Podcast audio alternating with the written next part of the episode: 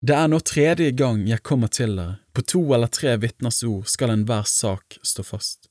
Til dem som før har syndet, og til alle de andre har jeg sagt det før, ved mitt annet besøk hos dere, og nå i mitt fravær sier jeg det igjen på forhånd, når jeg nå kommer tilbake, vil jeg ikke vise skånsel. For dere krever jo et bevis på at Kristus taler gjennom meg, og han er ikke svak mot dere, men han er sterk blant dere. For vel ble han korsfestet i svakhet, men han lever i Guds kraft, og vel er vi svake i ham, men vi skal leve med ham ved Guds kraft hos dere. Ransak dere selv om dere er i troen, prøv dere selv, eller kjenner dere ikke dere selv at Kristus Jesus er i dere? Det måtte da være at dere ikke består prøven, men jeg håper dere skal få erfare at vi består prøven.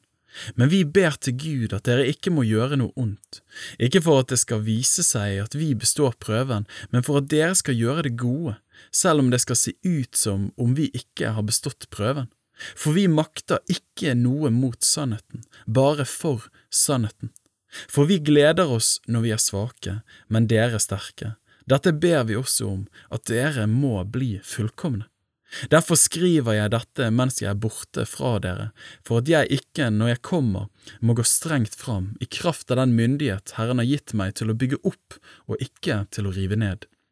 For øvrig, brødre, gled dere, bli fullkomne, la dere formane, ha det samme sinn, hold fred med hverandre, og kjærlighetens og fredens Gud skal være med dere.